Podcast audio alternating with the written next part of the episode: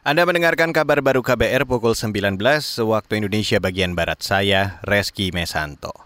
Saudara pemerintah masih menerapkan pemberlakuan pembatasan kegiatan masyarakat atau PPKM level 1 untuk mengantisipasi peningkatan kasus saat liburan Natal dan Tahun Baru 2023.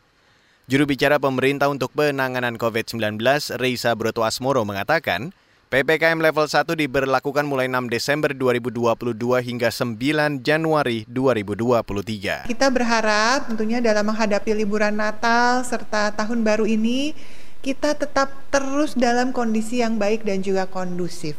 Itulah sebabnya PPKM masih diberlakukan. Hal ini sesuai dengan Inmendagri nomor 50 tahun 2022 untuk Jawa dan Bali dan juga Inmendagri nomor 51 tahun 2022 untuk luar Pulau Jawa dan Bali. Ketentuan PPKM ini juga diberlakukan pemerintah pada pelaksanaan ibadah Natal. Menteri Agama Yakut Kolil Komas mengatakan tak ada pembatasan jumlah jamaat di gereja saat ibadah Natal. Namun, jamaat tidak boleh lebih dari 100% kapasitas gereja. Sementara itu, Saudara Menteri Pariwisata dan Ekonomi Kreatif Sandiaga Uno menargetkan bisa menggenjot lebih banyak wisatawan domestik maupun mancanegara pada masa libur Natal dan Tahun Baru.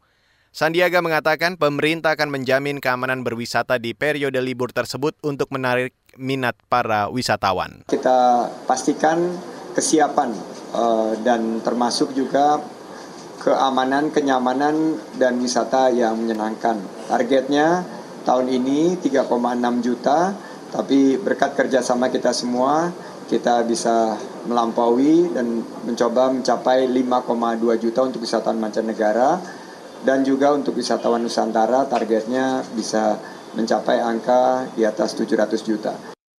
Menteri Pariwisata dan Ekonomi Kreatif Sandiaga Uno menekankan sebelumnya pemerintah meluncurkan program Bangga Berwisata di Indonesia. Dengan program tersebut, menurutnya keamanan berwisata di tanah air akan semakin terjamin.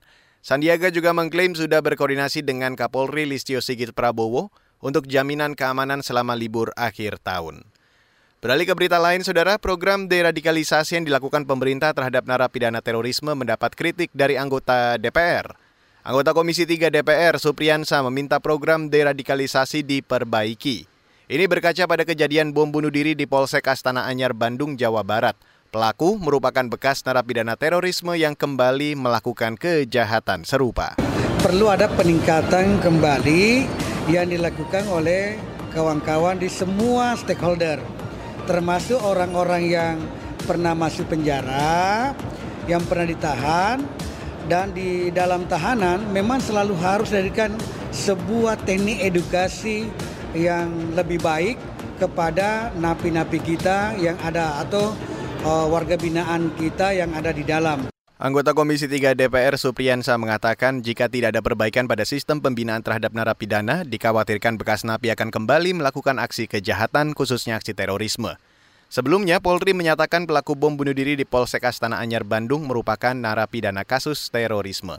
Pelaku dipenjara 4 tahun karena merakit bom panci dalam kasus terorisme Cicendo pada 2017. Dan saudara, demikian kabar baru saya Reski Mesanto.